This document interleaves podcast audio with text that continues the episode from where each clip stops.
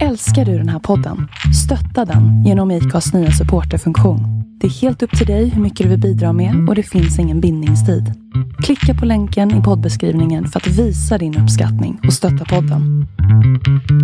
Ska vi se, då har vi ett resultat. Kevin Brunberg! Kevin Brunberg! Ah, wow! Tar hem det! Vilken fantastisk battle! Fan Kevin, grattis. Hur känns det? Jo, får jag in en snus så känns det bättre. What is the source?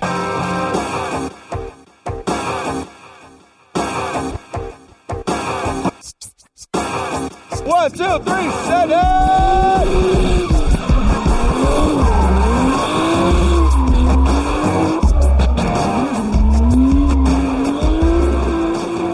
Hej och välkommen till nytt avsnitt av Driftpodden med eh, mig, Henrik Andersson. Christer Hägglund. Och Robban Strandberg. Såg ni vilket fint finger jag hade? Japp. Ja. IT-fingret ditt. Ja, IT den, den decimeter längre än de andra fingrarna. Och för er som är yngre så var E.T. en film som handlade om en rymdvarelse som kommer till jorden. Den kom där i slutet på 1980-talet någon gång så vi gamla gubbar vet vad det är. Alltså, och han hade ett långt finger. Han hade ett långt finger. Jag gjorde en sån här liten retro-revival för, ja det var i vintras. Jag tänkte bara, åh, jag ska se E.T. Alltså, om, om, ni, om ni tillhör min generation och såg den som barn, låt det vara kvar där, se den inte igen. Helt enkelt, bara, titta inte på den igen. Den är inte som en gammal klassisk James Bond-film, att den blir bättre med åren. För E.T. sög hästpung alltså. Fy Fan vilken kass film. Ja, men det var en film som var häftig på 80-talet. Ja, men precis. Ja, då var det ju jätteballa effekter och grejer. Han flög upp med den lilla cykeln i luften. Det ser fan ut. Nej usch. Don't. Eh, dagens avsnitt, eh, som vi dessutom spelar in på en söndag. Nu Eh, tippade bara min för att min- skrevfläkt. Bara för att min arbetsgivare tycker att jag ska jobba mer. Eller Mm, mindre. ja, men vi, vi kanske måste köra, köra en liten grej där. Att vi kommer ju att spela in. Vad var det du sa? Jämna veckor. Tisdag, söndag, jämna veckor kommer vi att spela in Det nu. kommer skapa lika eller, mycket. eller om det bara blir söndagar. Ja. Vi, vi får se. Ja, men alltså, ja, ja. men precis. Henke, Henke har ju börjat jobba i weird ass tider nu. Inte nog med att han jobbar ihjäl sig, utan han ska jobba ihjäl sig på andra tider också. Ja, dessutom. Men eh, vi ska prata mycket om eh, driftingen. Det har ju varit Lidköping. Va, vadå, så vi ska prata om drifting i en driftpodd? Ja, vi kan ju testa Ja. det någon gång. Jag tänkte vi skulle blanda upp vet du, alltså, geografipodden och historiepodden. Och, Mm. Men vet du Ännu en gång är det en drifttävling där tre personer inte har varit på drifttävlingen. Drifttävlingen ska vi gå och prata om. Det är fucking amazing alltså. ja, det här året har ju varit... Ja, det har sugit. Men i alla fall, men sen så ska vi också, också gå in lite grann på uppföljning med drifting i norr. Man snackar Mm. om. Och även då Formula Drift lite grann. De här diskussionsämnena vi startade Mm. igång lite grann förra Ja. avsnittet. Dra lite kommentarer och sådär. Mm. Så det blir intressant. Vi kan väl fortfarande spinna på att de där trådarna är fortfarande aktiva så att säga. Det är inte så att vi, vi Ja. slutar diskutera det där. Vi har ju fortfarande inte kommit fram till en verkligen inte. Ja, Nej, nej. och vi, nej, men alltså har vi ni påminner nu så... då, Ja. Vi påminner om att det är söndag när vi spelar in där, så de här trådarna har ju egentligen varit ute och varit aktiva bara i två dagar när, Ja. vi, när vi spelar in där. Så det har ju gått en hel vecka när, när avsnittet kommer ut, men eh, vi vill ändå eh, diskutera lite av de grejer som har kommit fram. Och, eh, men som sagt, fortsätt gärna diskutera så att vi får in mera synpunkter. Oh ja. ja, pusha mer. Men vi kan väl börja med Lidköping. Gatubil Ja. Swedish Drift Series deltävling 4. Som dessutom var finalen för RM. Ja, det var det.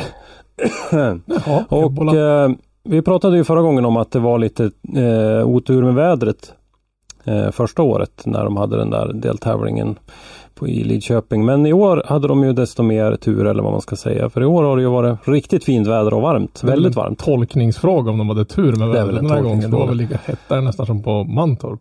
Ja, det lät ju så. Det har varit jobbigt för eh, både förare och eh, bilar. Men eh, eh, mycket publik såg det ut att vara på liven. Eh, Vi ska ta och samla in lite kommentarer kring det där senare också.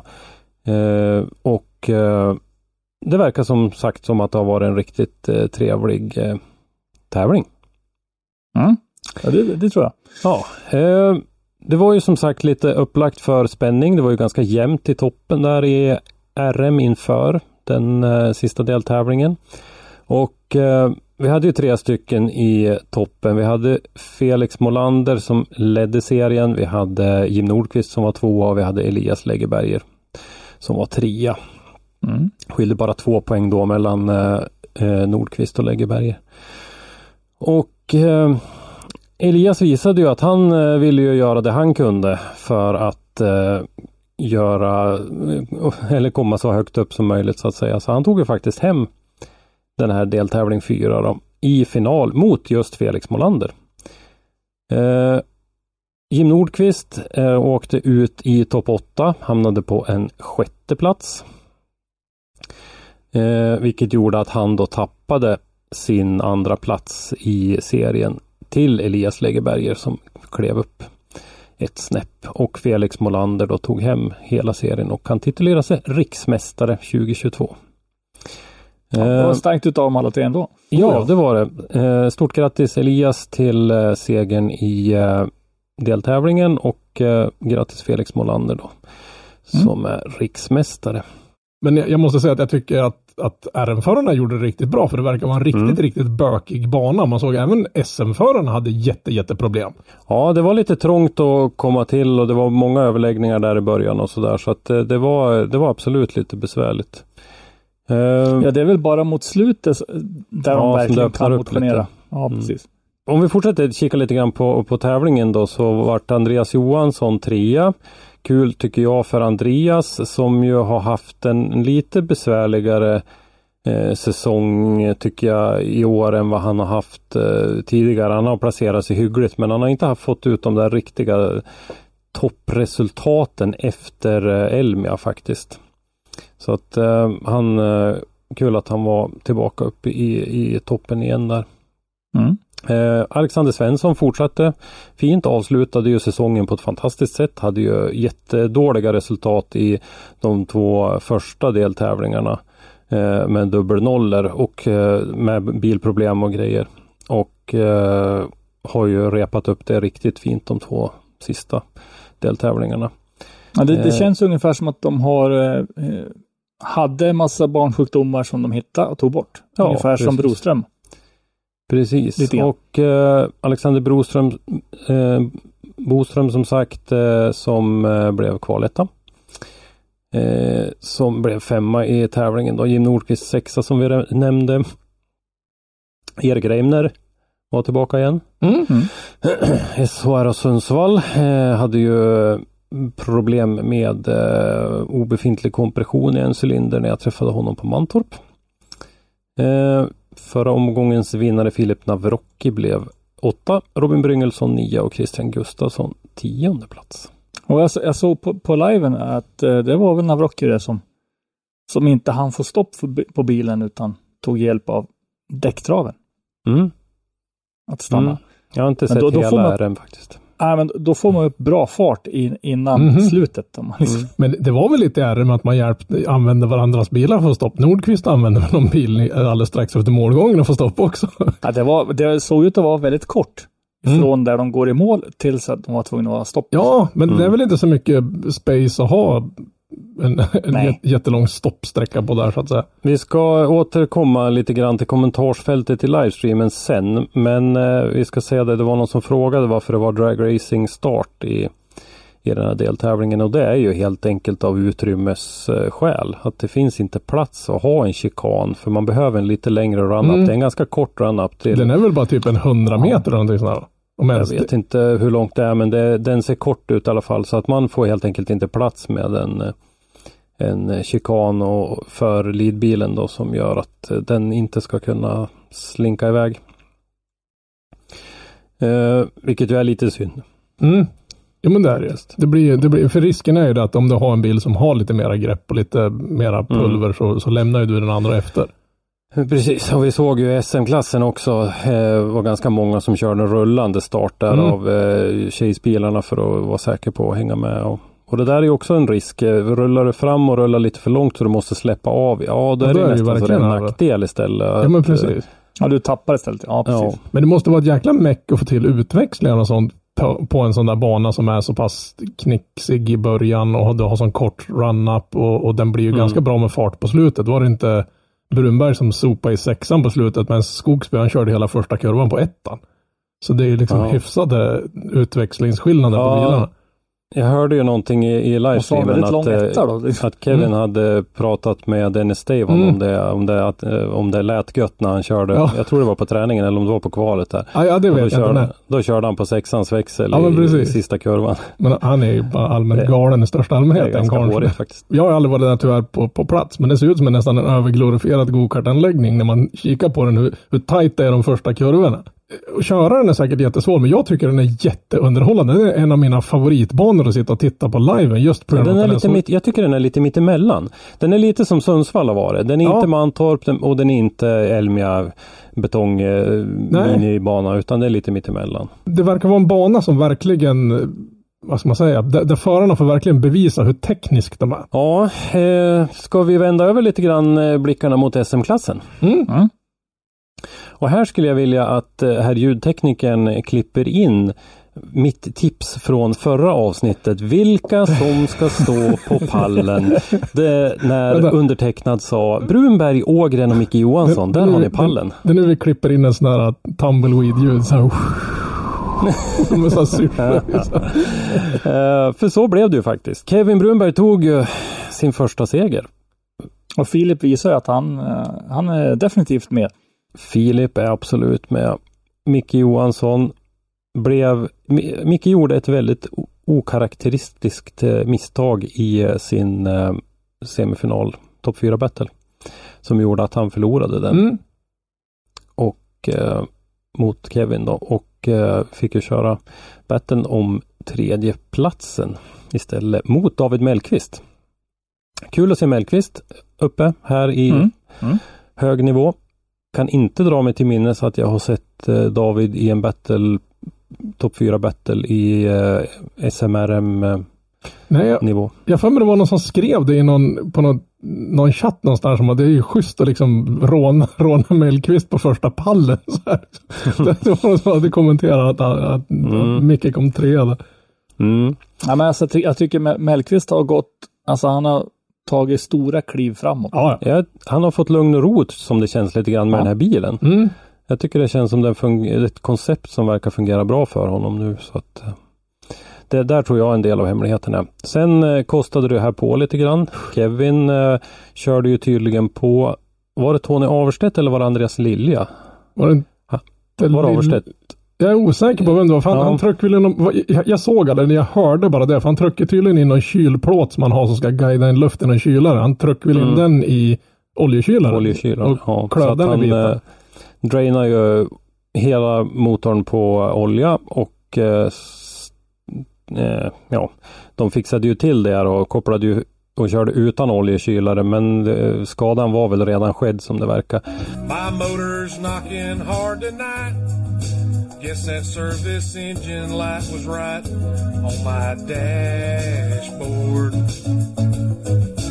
Eh, men de fyllde på olja och körde och hoppades att det skulle hålla ihop och det gjorde det ju då hela vägen. Så att eh, Kevin vann det där men eh, det blev som sagt en, en ganska dyr seger och det var inga problem med Östersund medan han på i liven därför att han har en färdigbyggd motor där hemma så att det är bara att kasta i en ny.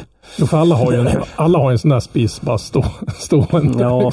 Eh, Kevin har ju panikmekat eh, tidigare när han körde B230 och han byggde nya motorer och sådär så han vet ju vad det innebär och vad det kostar och sådär så att han har ju lärt sig den hårda vägen att, att ha en i reserv. Men det verkar som att den här motorn han har kört med den här säsongen än så länge har det väl varit ganska... Jag har inte hört någonting vad jag kan dra mig till minnes att han har haft någon större motorstrul. Han har mest haft Nej. hjulupphängning och styrningsproblem så han såg Ja. alldeles matt Mm. ut på Mantorp. Ja, servostyrningsproblem har ju varit en del i, i början där. Eh, Mikael Johansson blev ju trea då som sagt. Eh, Filip Ågren tvåa, gjorde en jättefin eh, insats. Eh, Mikael Johansson trea. Eh, Mikael som leder serien. David Mellqvist fyra som vi sa. Mattias Johansson blev femma. Där hade vi en till som hade ganska stora problem. Mm. Eh, blev drabbad av någon eh, luftficka i eh, kylsystemet så att eh, motorn kylde alldeles för dåligt och verkar ha tagit skada av det. Den var väldigt orkeslös på slutet i hans sista battle. Men han sa väl det i liven också att han var osäker på om de vågade stänga av bilen för de trodde det, att det var så en hög temperatur så det är då de här luftfickorna dyker upp när, när bilen, eller ja, när, när cirkulationen stannar helt enkelt. Ja, så att eh, han eh, förlorade ju sin battle då mot David Mellqvist i topp 8. Eh, och eh, åkte ju ut och nu hade han ju en bra kvalplacering så han blev ju femma, bäst placerad av, av dem i topp 8. Men ändå, Ja, Mikael det är bra Johansson. poängtapp det där. Ja, Mikael Johansson blev trea. Och eh, det skiljer ändå en del på att bli trea och femma. Eh, trean får 90 poäng och femman får 78. Och eftersom Mikael redan hade en ledning där så var det inte bra för spänningen Nej, och dessutom framledes. kvalpoängen där då. Dessutom var Mikael Johansson kvaletta, ja precis. Eh, Tony Ahlstedt sexa, Jonas Fransén sjua. Jättekul att se också. Fredrik Westring, en till. Som, eh, Ja, det är kul. För det är... kul att det går bra för Fredrik. Mm. Jag har haft mycket små eh, gremlins. Vi pratade om hans eh, luftfilter efter Mantorp-tävlingen till exempel som drog ihop sig och var svårt att, att hitta. Sedan eh, hade vi Andreas Lilja och eh, Jim på nionde och Jim Olofsson på tionde. En eh, battle som var eh, väldigt ifrågasatt eh, vad gällde bedömningen var den mellan Fredrik Westing och Jim Olofsson. Eh, där eh, många tyckte att bedömarna tog ett konstigt och ett felaktigt beslut. Eh, jag kan förstå hur de tänkte. Det jag kan tycka var lite synd kanske var hur eh, Alexander Kvist uttryckte sig i liven. Eh, när han pratade om att Westrings eh, nästan rakkörning var nästan en nolla men inte riktigt en nolla. Okej, Eh, så, det, så det var bara en, en etta där? Eller en halva? Och Jim Olofssons eh, avåkning var en nolla helt och hållet. Och jag förstår vad Alexander menar. Det, det var inte en rak körning men han hade ju väldigt lite vinkel Mm. så att det var, han fick stora poängavdrag för den där. Det var ett olyckligt sätt att uttrycka sig på som jag tyckte att man i, i kommentarsfältet hängde upp sig alldeles för mycket på. Men kom Men- de, Ja, de tyckte att det skulle vara nolla ändå. Ja, var, Ja. var det så att Jim kom bort sig i röken? För som sagt, jag, jag hörde ju bara det här för man kan inte sitta och titta på, på tv och köra bil samtidigt. Mm. Men vad jag uppfattade så var det, var det så att han, han kom bort sig i röken i, i Ja, sin det chase. verkade så. Ja. Nej, men jag tänkte, har de hört någon kommentar eller någonting eller sa de något mer i, i liven? Så la upp den på vinkel, gasade på. Var tyvärr ingen bana där. Det var väldigt mycket kommentarer ifrån tittare Mm. i kommentarsfältet där. Eh, jag tänkte vi skulle återkomma till det lite strax men, men det var en, en ifrågasatt eh, battle det där i alla fall. Innan vi går in på det så ska vi dra lite grann i, ställningen då inför sista deltävlingen där jag tyckte som sagt att det var synd att Mattias eh, tappade lite poäng och David Skogsby gjorde ju en svårförståelig manöver eh, i sin battle mot Jonas Fransén där han skrev själv i, eh, det var i topp 16 redan, i, där eh, David var inne i kommentarsfältet och skrev att han trodde att det skulle bli omstart så han släppte av. Och så såg han att Jonas Fransén var på väg mot honom och då släppte han kopplingen igen för att, för att ta sig undan så att säga och då gick det en drivknut och sen Ah. körde Jonas på honom och eh, då gick eh, ett par eh, grejer i hans Wisefab eh, på ena bakhjulet sönder. Ja, Okej, så, så han var enhjuls driven runt. Jag, jag tyckte det såg ut som att exempelvis en drivknut gick sönder i den smällen där han överroterade. Eller den, den kurvan han överroterade. Ja, Om men- helt plötsligt ja. ena hjulet slutar driva så lär det ju bli en Ja, hyfsad jag, jag förstod aldrig det där vad han fick ifrån att det skulle ha blivit en omstart. Varför det Ja, skulle nej. ha varit det och var, vad den signalen skulle ha kommit ifrån. Men, men Såg eh, han någonting rött på, eh, på nej, startpelaren då? nej, jag vet inte. Eh, Ja, det, det var men- lite udda. Oavsett så eh, åkte han ut för tidigt i alla fall för att hålla liv i, i mästerskapet på ett riktigt bra sätt. Så att vi, den ställningen vi har nu då med reservation för om det har varit något ytterligare poängavdrag för eh, Fortfarande på och sådana här saker. Vi eh, så har Mikael Johansson 417 poäng, Mattias Johansson 373, alltså 44 poäng upp till eh, Mikael. Och David Skogsby är trea med 348, alltså 69 poäng upp till Mikael. Och eh, Andreas Lilja är 4, 318, alltså 99 poäng upp. Filip Ågren 5, 312, 105 poäng. Eh, det innebär att vi eh, behöver mer eller mindre ett mirakel om någon ska kunna rubba Mikael Johansson som jag ser det i det här. Då man ju får eh, 100 poäng för en seger och eh, 10 poäng för en kvaletta. Så att 110 poäng skulle någon kunna knåpa ihop om Mikael skulle göra ett dåligt kval. Ja, men då måste Mikael komma på typ 20 plats. Ja, Och du som är statistikprofessor, hur illa måste det gå för karlstackaren för att han inte ska vinna? ja vi snackar ju 12-13 någonstans och ingen kvalpoäng. Eh, då åka ut i topp 16. Alltså det, det kan ju hända men, men det... Ja, alltså det är absolut inte omöjligt, men det är ju, alltså, tittar man på hur, Han hur är- Micke brukar köra så. Jag hade en gammal kursledare när jag var ishockeydomare som brukade eh, med sin väldigt bullriga röst säga Mycket möjligt men föga troligt. Och det tycker jag så. passar rätt bra här. Det är mycket möjligt men föga troligt att eh, det blir så. Men som sagt, allting kan hända. det, det, det ska ju vara en sån här extrem grej att bilen går sönder så han får nollar i kvalen. Ja. Och, och Skogsby eller Mattias Johansson vinner. Mm, och då behöver de ta rätt bra poäng ändå. Då.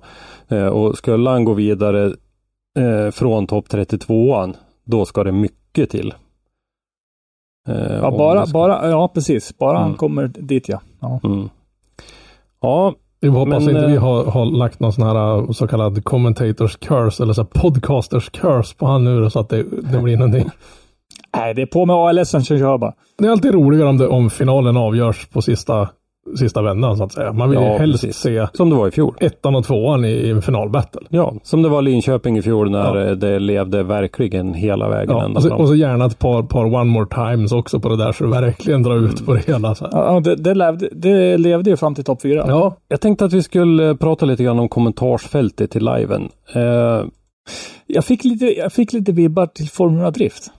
Ja, jag satt och tittade på tvn på uh, Youtube-appen på tvn och då eh, kom kommentarsfältet fram. Annars brukar jag alltid stänga av det där. mm. Men då kom det fram och så fick det vara på. Jag satt och, och skrev lite grann under tiden. eh, och, ja, vi har ju våra filer där vi håller reda på för att få ut resultaten snabbt och sådär. Och satt och fyllde i den och sådär. Så jag satt och hängde med lite grann där i kommentarsfältet. Och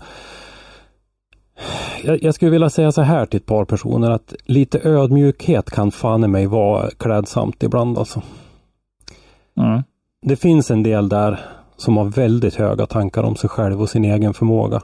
Som kanske borde ta igen sig lite grann. Det Ja. kommenteras väldigt hårt och eh, det kritiseras ganska mycket. Och eh, Men det är alltså På- folk som, som har tid att sitta och skriva. Det är alltså kortfattat Ja. inte människor som är fortfarande kvar eller ens har varit med i tävlingen. nej, nej, det här är andra. Man kan kanske titta på sitt eget CV lite grann innan man börjar vräka ur sig allt för mycket, kan jag tycka. Man kan ju kritisera saker, ja, men håll det konstruktivt och schysst. Mm. Nu, nu måste jag alltså slå på den här förbannade kommentarsgrejen för att kunna se Ja, på det det måste här en som sagt eh, battle som diskuterades eh, väldigt mycket var ju den där mellan Westring och Olofsson. Men det fanns ett par till också som, som diskuterades ganska hett. Och eh, vi vet inte allt som bedömarna vet. De står på plats och ser det i verkligheten. Sen kan jag inte begripa riktigt. Är helt nödvändigt för den här drönarföraren att flyga förbi bilarna och vända hela tiden? Vad är det för fel på att följa efter bilarna lite högre höjd och på samma avstånd hela vägen runt? Eh, Är han full karln eller? Nej, men han är väl en race-drönarpilot. Det ser ballt ut. Ja, det ser skitballt ut och det går helt omöjligt är det att få någon slags överblick över vad bilarna håller på med. produktions och bedömarvärden måste det vara noll. Ja, totalt. Men det, det måste jag säga. Där, oh, det här trodde jag aldrig skulle ske. Nu sitter ni ner allihopa där ute. I FD, där gör de en sak riktigt rätt. Där har de en drönare som sitter som en skittråkig statisk bil. Eller Mm. som, som flyger över för att de ska lätt kunna bedöma och se. Ja. Det är ju det man vill ha egentligen. Det är ju, alltså Ja. det är ju jätteballt med de här drönarbilderna men den ger ju bara, det är bara en effekt. Det är ungefär som om du skulle ha Ja.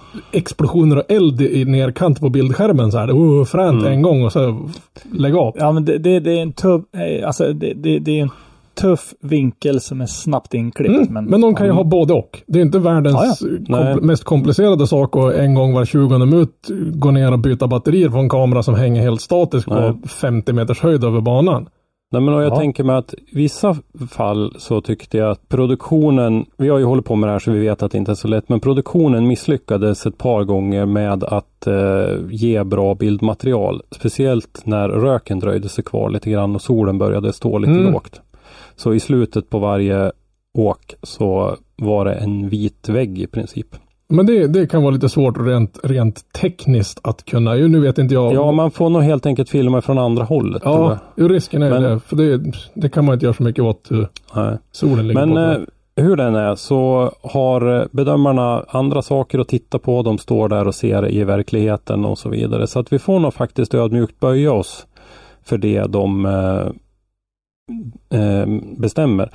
Sen så såg jag att det var någon som tyckte att det var fel att ha samma bedömare i alla tävlingar. Och det där har ju provats och diskuterats genom åren och där har man ju kommit fram till att det är en fördel att ha samma bedömare hela vägen.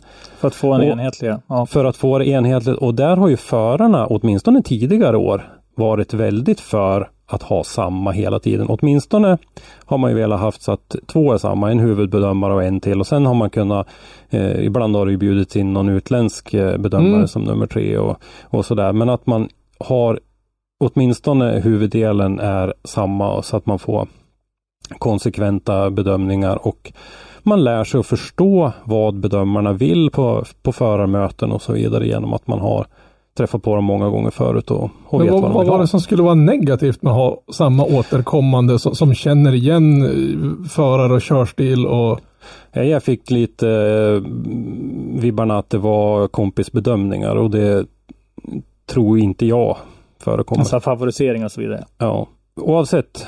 Nu sitter ju jag att, att tycka saker i ett kommentarsfält är ju kanske illa, men att tycka saker om folk som tycker saker i ett kommentarsfält är ju ännu sämre. Så nu får jag så ta på mig dumstruten. va, vart du så här tredjepartskränkt nu? Ja, jag kan ändå tycka att lite ödmjukhet kan vara klädsamt och så Mm. kan vi avsluta den diskussionen där kanske. Sen ska man också komma ihåg det att de vill ju ha bedömarna som, som tittade på samma kriterier för att de skulle kunna lära sig hur ska vi köra? Så att Mm. de kan veta hur de kan plocka bäst poäng. Mm. När vi ändå pratar om bedömning och sådana saker så hörde jag de sa i live-kommenteringen att åh vad vi önskar att vi hade kunnat haft en så att en bedömare kunde gå upp och kommentera allting, men vi har tekniska hinder att göra det. Sist jag såg liven, då satt de vid ett flerkanals mixerbord. Och mig Mm. vetligen så är bedömarna åtminstone inom en 20 meters radie eftersom Kvist kunde skutta in och dyka på, upp med ett headset efter ett tag. Är det så Mm. jävla avancerat att köpa en 20 plus meter kabeljävel och en mick med av och på-knapp på? Alltså Mm. det är inte raketforskning. De har ju lyckats. De har trådlösa kameror, de har drönare. Ska det vara ännu simplare än att dra en sladd, då får du för fan köra med en brevduva emellan. Ja, det, det är flera delar i det där som det har förklarats. Så en del är tidsaspekten också. Att det tar tid. Men vi är fortfarande inte ens i närheten av formella drifttider. Nej, och dit vill vi inte heller.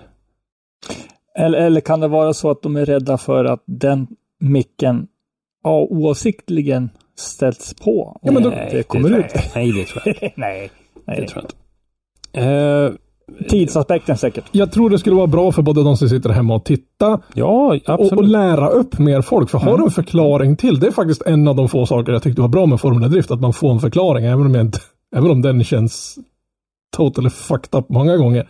Så Kvist är jätteduktig på att förklara. Ja, det är han, helt klart.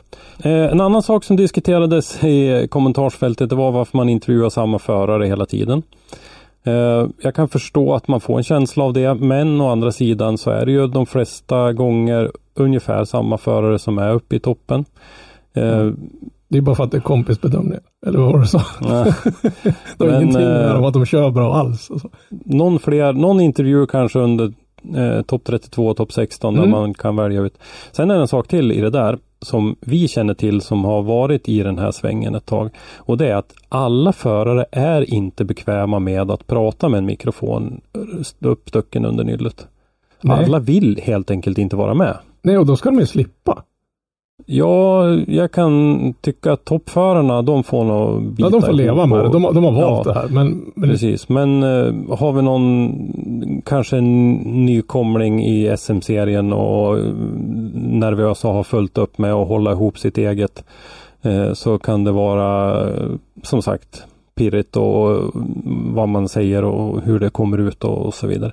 Så att det, det finns den aspekten att ta hänsyn till också. Men som sagt, jag förstår känslan och jag förstår kommentaren. Eh, sen så ska vi också, eh, vi som har varit på plats vet ju att eh, det ser ut att vara lugnt och trevligt på, på liven, men det är ju kaos bakom. Mm. Alltså, jag menar, har man, har man chansen att bara fokusera på ett team en gång när de åker på en tävling. När, när de kör av banan, gå, gå, lämna läktaren och gå bort och titta på vad de pysslar med. Det är inte så de liksom bara slänger upp fötterna och knäcker en pilsner och väntar på nästa eh, battle de ska ut och köra. Eller? nej, det är fullt skubb. Men Ja, Mm. Ja, vad mer? Ska vi gå in på lite uppföljningar då? Som sagt var, nu, nu spelar vi in det här på söndagen. Eh, de här trådarna har inte varit igång så länge, men Mm. vi vill ändå pusha för dem. Så att, Det har väl inte, de har väl inte varit sådär super, super mega aktiva. Jag måste säga att den här tråden om hur vi ska återuppliva driftingen norr om Gävle, eller vad man nu ska kalla den för, den har faktiskt varit väldigt mycket aktivitet i. vad, vad är kontentan då? Eller vad, vad, vad tror man? Ja, en del är väl ganska givna grejer och där pratar man ju lite grann om soppapriser och sånt där. Att det har blivit dyrt att åka till och från tävlingarna. Ja, det har blivit rätt så mycket dyrare. Ja. Ja, precis. Eh, sen eh, Bas-Mange Larsson från eh, utanför Skellefteå tänker lite grann det här med att eh, det kan behövas att någon toppåkare går ut lite då och då med information om vad de började med och så vidare. Att man behöver kanske förstå att man behöver inte börja med, med en, en Formula driftbil på en gång. Ja, du behöver ju inte ha en fullspesad alltså, tävlingsbil. Det behöver du inte ha. Jag vet inte exakt effekten och så vidare, men ska du på ett vettigt sätt lära dig drifting så, så bör du ju ha lite, någorlunda vass maskin i alla fall. Det behöver, Mm. det behöver ju inte vara 1000 häst, men säg 500 då, kanske. Mm. Ja, det kan ju vara För lite svårt så- att, att, att länka ihop vissa banor med Ja, sen beror det på banan. Är det en kort, tajt bana, ja då kanske du inte behöver vara 500 heller. Man måste kanske skilja mellan tävlingsdriftingen som vi egentligen fokuserar på och gräsrotsdriftingen. Och där behöver du du behöver Ja. inte bygga en, en prova på och se om jag tycker det är roligt med, med drifting med, med lustgas och 1000 plus hästar. Där kan det Ja, kanske nej. räcka med Nej. någonting som är lite simplare. För att Mm. liksom se om det här är någonting för, för dig så att säga. För att jag menar, eh, om, om, vi nu, om vi nu backar ner kraven från tävlingsdrifting till att bara få sladd. Så ja, att bara sladda, det kan du ju i princip göra med, jag ska inte säga 100 hästar, men alltså snudd på. Ja, det går ju till och med att göra med framhjulsdrift ofrivilligt. Men vad heter det, vi är ju tillbaka på huvudfrågan liksom. Vi, det är inga som anmäler sig till eventen. Mm. Mm. Är det då för att de inte har byggt några bilar för att de tror att de behöver tusen hästar eller, eller vad? Ja, menar, För det, för det kan ju inte bara vara...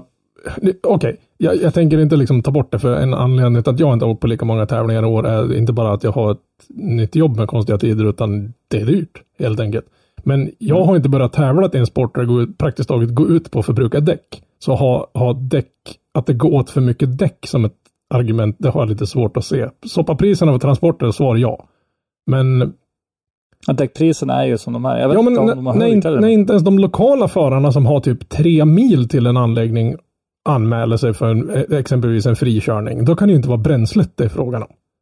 Utan Då måste det ju vara det att det helt sonika finns för lite intresse och det finns för få förare kvar som är intresserade av att hålla på med det. Och det är det jag blir lite orolig för. mm, Ja, för jag menar, alltså, historiskt sett inom driftingen så har ju norr haft en stark utöverbas. Ja men precis. Och den finns ju antagligen kvar. Jag menar, alla har väl inte flyttat neråt. Nej, som vi pratade om eh, i förra avsnittet så Jim Olofsson hade ju någon teori bland annat om att det var lite generationsskifte på gång och sådär men Ja, fortsätt diskutera i, i den här tråden så får vi lite mer tankar kring det där. För det kan ju även vara bra för arrangerande klubbar och sådana saker och se vad, vad förarna har för tankar och kommentarer runt det hela. Det var primärt därför liksom i stort sett jag tyckte vi skulle dra igång den här diskussionen så vi kunde kanske se vad, vad, vad är det förarna är ute efter? Som Jönsson var inne på att om man kanske skulle ändra på formatet eller någonting sånt där. Jag vet inte, det var ju också en frågeställning. Och Jag ställde många sådana frågor vad det, vad det hänger på. Varför vill inte, eller vill inte, varför dyker det inte upp lika mycket folk nu som det gjorde förut?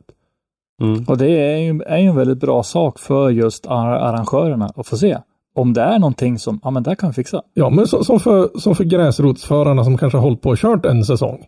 Skulle det vara intressant för dem att ha ett, ett träningsläger så att säga, där man har en lite rutinerad förare kanske som har kört eh, RMSM som kommer dit och ger lite tips och kanske titta på när du kör en repa och säger men där och där och där borde du ändra det och det och det så du får ett bättre fly, flyt och så vidare. Eller kanske åka med runt och se vad det är du gör. Och hjälpa dem komma vidare. Ja. Ja men precis. Om det skulle vara, vara lite någonting sånt som skulle behövas för att få lite mera push. Eh, I alla fall om vi backar tillbaks några år så var det väldigt mycket prat om att alltså, de vill ju utöka Modified. Mm. Eh, och mer att göra kring Modified. Jag vet inte om, eftersom det inte blev någonting, om det har haft en inverkan på det här då. Men en frikörning har ju aldrig ett sånt regelverk. Ja, eh, som sagt, eh, in med mer synpunkter Mm. på det där så att eh, ska vi ta upp det. Vi kan vänta något avsnitt och ta upp dem ett Ja, par men veckor och se vad vi har kommit För, fram för till. kontentan är ju det att, att, att om det arrangeras en massa frikörningar och ingen dyker upp, då kommer de ju helt sonika sluta arrangera frikörningar. Mm, Och det, det är väl lite det som är, är risken. För jag menar, det, det finns ju inte liksom obegränsat med resurser. Nej. Nej. och många av de här anläggningarna har ju massa andra aktiviteter också. Så det är klart som, Mm. vi tar bara, nu risk för att tjata hål i allas huvud, men, men ta SHRA som arrangerar både dragracing, go-kart, RC, eh, enkel bilsport, eh, hyr ut anläggning till massa MC-historier, Christer rörövningskör och drifting. Men att det är jättesvårt om, om dragracingen och driftingen kan ju inte kombineras. Du, kan, du kan kanske kombinera RC och drifting, men det är snudd på, för de håller till en bit ifrån varandra. Men, men det är ju det att det blir, kalendrarna blir ganska fort fulla för anläggningarna. Mm, mm. Och sen är det att eh, om till exempel go-kart vill komma och köra så kan ju inte driftingen köra samtidigt. Nej, speciellt inte med tanke på att de använder halva banan. Ja, Ja, halva, halva varandras banor är detsamma så att säga. Och det är därför också att om då liksom Sundsvall säger men vi ska ha frikörning den här dagen och så kommer ingen folk. Mm. Och de här istället hade kunnat haft en go-kart-tävling säger vi. Ja men, ja, men precis. Och risken Ja, det- blir inför nästa säsong att, att eh, när driftingen säger att vi skulle vilja ha de här, Mm. de här helgerna vill vi ha banorna. Men det Ja, kommer ju då blir man någon. nedprioriterad. Ja, det, det Om kommer ju aldrig finns- någon säger de. Nej, för det finns tryck att arrangera. Enkelbilsport Ja. verkar ju till exempel fylla sina Mm. event hu- Jo, ja. väldigt fort. Eh, kartingen är på frammarsch om vi just eh, fortsätter att ha eh, Söra Sundsvall som exempel då. då. Då är det ju risk att driftingen blir undanskuffad för att ni har ju kört en hel säsong och har inte kommit en käft på något av Mm. era event. Varför ska ni ha fina tider då? Precis. Och så är det ju säkert på många andra anläggningar runt om i Sverige också. Helt övertygad om det, ja absolut. Och så har du alltid då, eller alltid, ofta har du ju då trafikskolan som är med på ett hörn. Mm. Ja, fast det är ju ofta vardag, eh, Ja. dagtid, vardagar. Eh, Så där är det kanske ett lite mindre problem. Men, men ändå, det finns alltid att ta hänsyn till. Så är det ju. Mm. Så anmäl er till frikörningar. Och gå in och, och helt ärligt, säg vad, vad, alltså, ja, varför. Men de skulle kanske satsa på, för jag såg en liten fråga nu när de, hon som Moa som arrangerar, eller som är, drar i alla trådarna där uppe när det gäller driftingen numera, frågade om de skulle vara intresserade av att ha en sladdgård där man kan komma upp och du behöver kanske inte vara på banan och köra utan bara prova på och se om det, hur det är att få sladd på din bil på torr asfalt. Och det var det väldigt många som hade varit positiva till men lik förbannat så dyker det inte upp någon. Mm. Det, det tycker jag är lite så bara, ja det där lät som en jättekul Ja, grej. det- jag ja, ska inte åka. Det är Jag väldigt bara, bra, alltså det är väldigt bra instegsgrej att ha en sladdgård med lite Mm. koner kanske eller lite någon form av bana som man kanske vill testa. Vad skulle jag prova skulle jag vilja vara i en sladdgård ensam där det inte fanns någon annan på området så ingen såg mig rakstyra rätt ner i något dike någonstans för jag inte har en jävla aning om jag var på sladd på en bil på torrt. Man hade ju eh, faktiskt eh, provat på med sladdgård en gång eh, på, just i Sundsvall Mm. också. Och där, då, då drog man ju iväg den en bit bort ifrån själva banan och läktaren och det här. Så då, det fåtal människor som var där och satt där och tittade såg inte sladdgården. Ja, Och det var ju just av den där anledningen att man vill komma iväg och, och kanske inte Ha ögonen på sig. Ja. Ja, precis. Inte ha ögonen på sig utan man vill kunna prova i lugn. Så nu har jag alltså ingenting att skylla på, det är det jag menar. Så är det dags att skaffa en gammal sjuleif och hem och svetsa diff. Kan väl komma och hämta ett par stycken Nej. här på min Ja gård. visst ja, du, har ju- Jag har ju ett gäng. ja, du var på Sjuleifsvägen 3. Du, du kan säkert få ihop en sjuleif där. Men jag tänkte, har, har inte du grejer på din gård så vi kan bygga en enhjulsburnande sjuleif av och, och leka med? Det, 940, 940 turbon som Leo har, den mörkgröna, den går rätt bra. Men just nu går Men, den inte men, alls. men, men, men grabbar, det vore ju rätt så häftigt om vi kunde ta med alltså en, en följebil så vi kan filma lite häftiga klipp. Mm. Bli, blir inte delar över så vi kan prova Christer? Ja, vi får förhandla med Leo. Så, så kan du och jag anmäla oss till en frikörning i alla fall. Ja, ska vi lämna det där ämnet och gå Yes. över till det andra diskussionsämnet om eh, Formula Drift och eh, om Formula Drift mår bra eller inte. Och där var det inte lika mycket aktivitet. Nej. Där, där tror jag Jönsson hade tömt hela svenska driftingbefolkningen på kommentarer i, i tråden han drog igång. Ja, vi fick en kommentar och eh, där sa Olof Eriksson att det man måste förstå när man tittar på bedömningen i FD är att den är per design annorlunda än i Europa. Och då ställde jag en modfråga vad han menade med per design annorlunda. För min uppfattning har ju varit att man har arbetat ganska hårt då, genom åren på att få en samsyn kring bedömningen. Att det var den här Mm. Formula driftbedömningskriterierna och den skolan eh, inom citattecken som skulle gälla och Ryan Lantain med flera har varit här som Mm. bedömarutbildare och varit med som bedömare själv i både eh, eller i Gatubil Drift Series i alla fall. Jag vet inte om Ryan har varit bedömare i, i dåvarande Det, STC då, men eh, vi har i alla fall haft David Kallars och eh, Vernon Svenevald här som har bland annat som har. Eh, och då fick jag en, ett svar som jag, jag, det var inte riktigt det jag hade hoppats på för att eh, Olof menar på att FD har bedömt på ett japanskt inspirerat sätt eh, nu på slutet här och så tog han ett exempel då med Rome Charpentier som han är coach åt och eh, att att säga att bedömningen är per design annorlunda och grunda det på en tävling och en förare kändes inte riktigt eh, belagt. Sådär. Så att eh, jag skulle vilja ha en, en, en större diskussion än, än en förare i en tävling. Mm. Om man, om man ska komma med en, en sån Ja, vad ska man säga? En sån brandfackla eller vad man ska säga att den är, att den är per design annorlunda. Jag vill nog hävda att den inte ska vara det. Sen har vi väl det att eh, Ryan Lantain har ju varit väldigt djupt inrotad med FIA Mm. om att skapa ett världsomspännande Mm. bedömningsprotokoll. Mm. Det vore kanske någonting att, att Ja, det har det håller ni hoppas- på med. Men, Jo, Ja, det håller men hur- med. David Kallars sitter med i den där drifting... hur lång tid ska det ta? Ja, ja, det vet jag inte. Det ska Eh, väl egentligen inte vara någon, någon raketforskning. För så fruktansvärt olika bedömer man inte sporten. Nej, vi, får, rä- vi får räkna bort Japan, för Ja. Japan är Ja, som har sagt de det. annorlunda. Ja, de har Eh, sitt system och de vill ja. inte ta in någonting annat. Men, Men jag häv- hävdar fortfarande att meningen är att eh, Europa och USA så har man jobbat mot en samsyn i bedömningen. Det som är, det jag tycker är, mest, är det att det är så många, i och för sig är väldigt mycket folk som tittar på, på FD.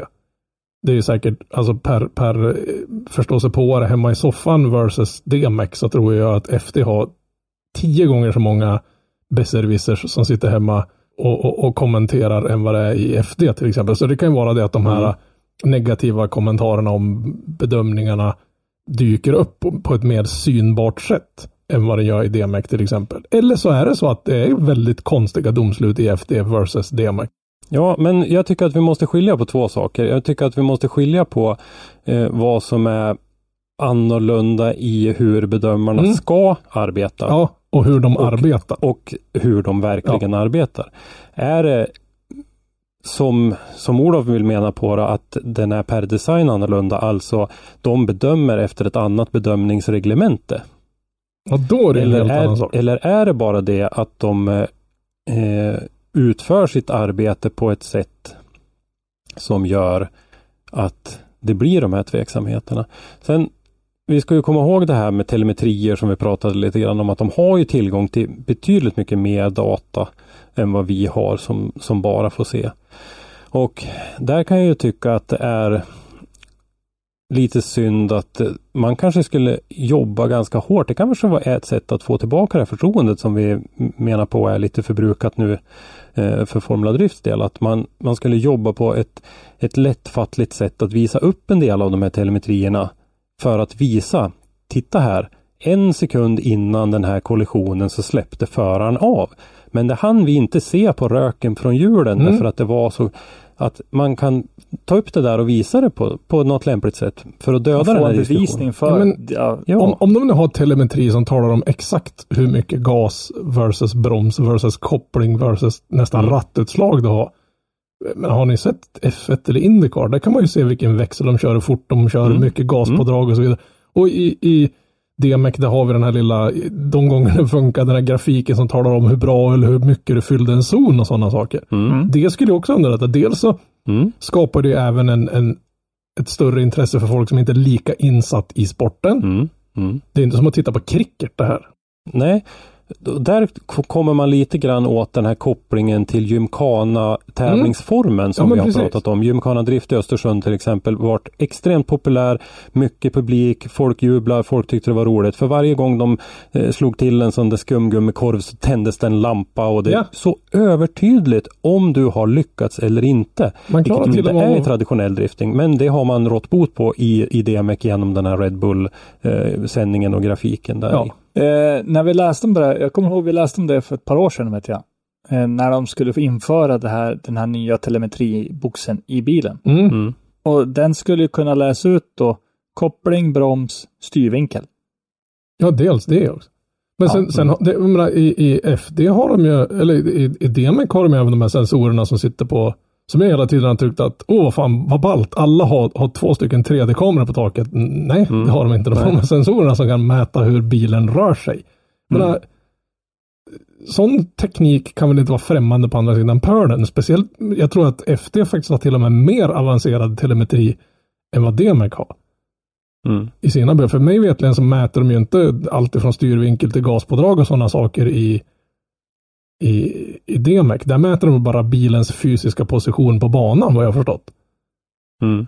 Rätta mig gärna om jag har fel där, men jag vet Nej, inte om, det om det sitter någon... uppfattning Ja, också. Men, Eh, jag vet att innan det här telemetrin kom ut, eller de började prata om det, så hade de ju upptäckt en bil som hade programvara som hjälpte föraren att hålla en viss vinkel. Mm, en sak som gjorde att under vissa styrutslag så hade det så och så mycket, vad ska man säga, autobroms slash autogas på. Det är ju Ja. inte, det är inte en avancerad teknik att fixa det med tanke på tekniken i dagens bilar så att säga. Så det här var ju en, eh, en grej för att försöka då Mm. eh, förminska det. Mjukvarudopade bilar med andra ord. Ja, ja, det kan man kunna säga. men, men det är rätt så sjukt. Det bara, där hade till och med jag kunnat kört. Det är ju bara stämpla. Ah, riktigt in riktigt så avancerad är den inte. Det är ungefär som den där Nej, klassiska men liksom, grejen. ungefär. Ja, det är sån där klassiska grejen folk säger. "Åh, En Formel 1-bil är så avancerad så en apa kan köra. Bara, ta en nej. hyfs, hyfsad Ja, nej. race-sim. Välj, scrolla fram till en F1-bil och så slår du på alla hjälpmedel och så försöker du gasa ur det på Mm. och det kommer gå jättebra. Köra ett varv, sen går du in och så stänger du av dem. Du kommer fan inte ens ut från pitboxen med en sån bil. Nej. Nej. Ja, Nej, men eh, så, Fortsätt diskutera. Vi, Mm. Ja, där vill vi gärna att ni går in och fortsätter. Ja. mm. Och det är samma sak där, alltså får vi in mycket snack, då kan man ju lämna det här vidare. Mm. Och säga liksom att grabbar, titta på det här.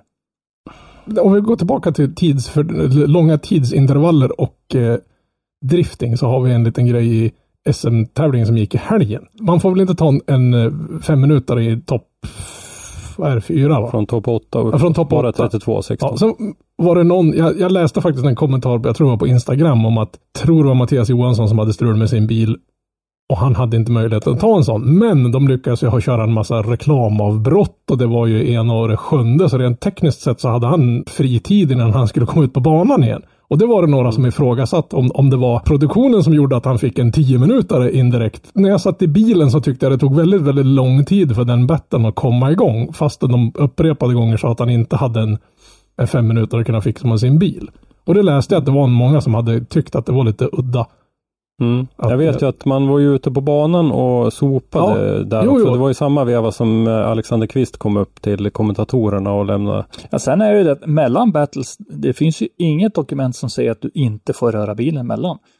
Så att så länge det är liksom paus i själva tävlingen, Nu, nu vill jag absolut inte på något sätt kasta någon som helst skuld eller nej, någonting nej, på nej. Mattias. Snarare, snarare tvärtom. Men, men, men, men ibland snarare faller... att, att Mattias då hade, hade Han hade flyt att Hade det var tur. den tid. Ja. Ja. Och ibland faller, faller liksom korten rätt. Men sen skulle jag vilja tipsa eh, Swedish Drift Series-gänget om en sak som vi har pratat om förut men jag tycker det är värt att nämna det igen och det är ju det här systemet man har i dragracingen med att sända ut saker och ting på FM-bandet. Dels kommenteringen på FM-bandet så att man kan sitta Mm. och ha sina radiokåpor på sig och höra kommenteringen ändå.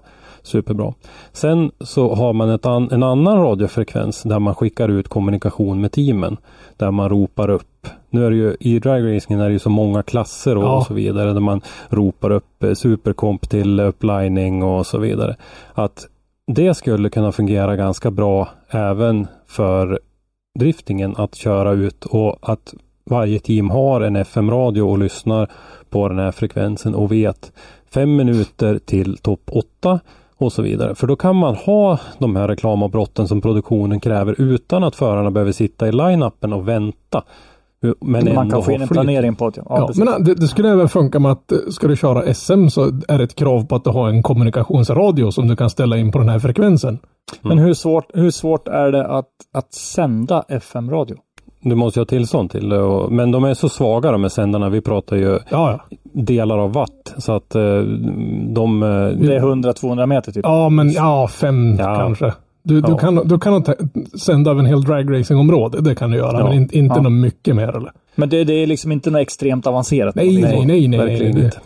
Eh, Det är många som frågar mig om, eh, om man behöver ha hörselkåpor. Jag brukar säga egentligen ska du titta på ett par eh, åk och du står en bit ifrån. Nej, du behöver inte ha. Det, du förstör inte öronen som du gör om du står bredvid en dragracingstrip. Men däremot för oss som står bredvid banan en hel dag. Då blir jag helt förstörd i huvudet ja, om jag inte har någon form av hörselskydd på mig. Men även om du ska sitta liksom på läktaren och titta på en hel tävlingsdag så ja. Ja, då är det skönt att ha har, har du hundar och djur med dig så för guds skull tryck på dem Ja. hörselskydd Mm. också. Hundar och djur. Hundar och barn menar jag. Ja, Barn är djur. Ja, i min Och vi, och, vi, och vi som står runt banan eh, som media, vi vill ju gärna höra, för vi hör ju inte kommentatorerna. Nej, Nej. oftast inte. Om man inte hittar, om man inte kör några blåtandslurar med medhörning som Ja. har en automatklipp eller något sånt här avancerat. Mm. Ja. Vi är ju ofta på fel sida av eh, högtaleriet Mm. så att eh, för oss är det ett stort problem. Vi har komradioapparater som man kan lyssna på tävlingsledningen och om de nu kör kommentering på FM-bandet så kan man höra det. Mm. Och, och som sagt, då, ju mer information till publiken oavsett tävlingsgren det är, desto mer information som de har, desto mer uppskattar i de sporterna. Det går säkert att locka dit ännu mer publik. Mm. Nu blir det lite allmänt tyckande och tänkande här, Mm. men nu är vi återigen tillbaka på den här eh, utmaningen vi har pratat om med Time Attack och vi pratade en del om Street Week. Eh, där jag hävdade att eh, den här eh, kommenteringen som var på Street Week var värdelös. Därför att man kommenterade hela tiden eh, höger bana mot vänster bana och den körde så och den körde så. De kunde ju köra i två helt olika klasser och man tävlar ju inte mot varandra utan man Nej. tävlar ju med tiderna och den sammanlagda tiden över veckan.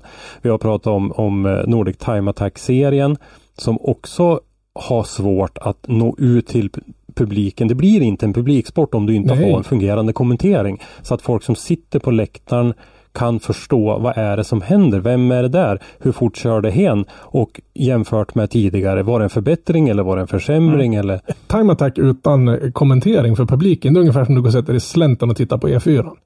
Du har Mm. ingen aning om vem det är som åker förbi utanför på vägen eller vart han ska eller om det gick bra för honom om han kom fram. Ja, men du, du får ingen tävlingsöverblick. Nej, ja, du har ju en app du kan titta på. Och när jag var på min första Time Attack-tävling tänkte jag, och de mobbar ungdomar för att stå med näsan i mobiltelefonen. Innan jag fattade att allting som sker på den här banan, det ser du i en app. Ingen tittade på det som pågick på banan. Alla stod i depån och stirrade i sin mobiltelefon, för det är där du ser live-tiderna. Och det hade varit så jävla enkelt. Öppna den appen, ge någon jävel en mick. Det behöver inte ens vara speciellt bra. Berätta vad du ser. Nej, och det är därför man tycker att vanlig dragracing och även drifting blir man kan förstå att det blir publiksporter. De två kör mot Ja. varandra. Flaggan pekar på den som har vunnit eller i dragracingen Ja, så signaleras det på scoreboarden vilken bana det är som har vunnit. Du behöver inte förstå mer än så. Du behöver inte lära dig breakout och du behöver inte Nej. hålla på. Lyser lampan så har han vunnit, punkt slut. Men de säger väl att folk i dagens läge har, har liksom 30 sekunders attention span. Mm, Och, och ska de då behöva sitta och gräva i listor och in i appar och dona på och spendera mer tid att titta i sin telefon än det de ser med sina egna ögon och någon som berättar för dem. För det, det behövs. Mm. Vi är, vi, jag vet inte. Ja, men det är ungefär som att ja, men då, då kan du lika väl sitta hemma på altanen. Ja, men, Det du, blir ju samma sak. har, liksom. har du aldrig haft radiosporten på någon gång? och lyssnat Nej, på, på vad som pågår. Okej, jag, jag har gjort det några gånger för någon skidåkning eller någonting sånt här. Men det är ju makalöst. De är ju så duktiga på att berätta. Så det är ju, ärligt Ja. talat vet jag fan om inte radiosporten är bättre än, än, än skidor på tvn. Där du ser vad du, vad du ser så att säga. Ja, du får en helt annan inlev- Ja men inlevelse. precis. Någon som står och rapar lite vad som pågår på banan skulle vara kul. Ja, och lite feeling som sagt Ja. för vad, vad är det som händer, hur fort gick det, var det förbättring eller vad var det en försämring eller vad har den för möjlighet att lyfta sig jämfört med klassledaren och så Ja men vidare. precis. Så har vi löst det problemet. Kan vi gå över till nästa. Läget i Ukraina. Ja, nej, Bockar vi av Ja, listan här. precis. Ja, vi ett. Nej, men jag tror vi, vi nöjer oss där va? Ja, jag tror det. Så får vi se lite grann vad vi pratar om eh, nästa vecka och veckan efter det ska vi väl snacka upp Östersundsfinalen lite grann. Men Yes. nästa vecka är det lite öppet. Nej men det blir ju, jag yrar ju bort mig i veckorna här jag nu. Det blir ju nästa vecka vi måste snacka upp eh, finalen. Det blir det. Mm. Ja, för den är ju veckan efter Ferropolis ja. Mm, då får vi snacka ner Ferropolis och så får Ja, vi snacka snacka upp upp eh, Östersund. ja. Så blir det. Och med det så fortsätter vi att trycka på att följ oss. Glöm inte att följa oss på Facebook och Instagram. Ni hittar oss under Motorsportmagasinet på bägge ställena. Dagliga nyheter från motorsportvärlden hittar ni som vanligt på motorsportmagasinet.se. Där ni även kan handla t-shirts och massa annat kul. Och vi heter då Driftpodden på Facebook och Instagram också. Så hörs vi nästa gång. Hej då! Hej då. Hej då!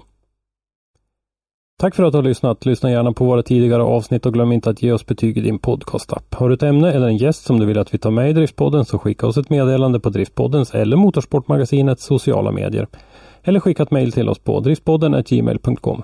I dagens avsnitt har du hört Henrik Andersson, Christer Hägglund och Robban Strandberg. Ljudpåläggning och slutmix Robban Strandberg. Driftpodden produceras i samarbete med Motorsportmagasinet och Powerslide Media AB och produktionsåret var 2022.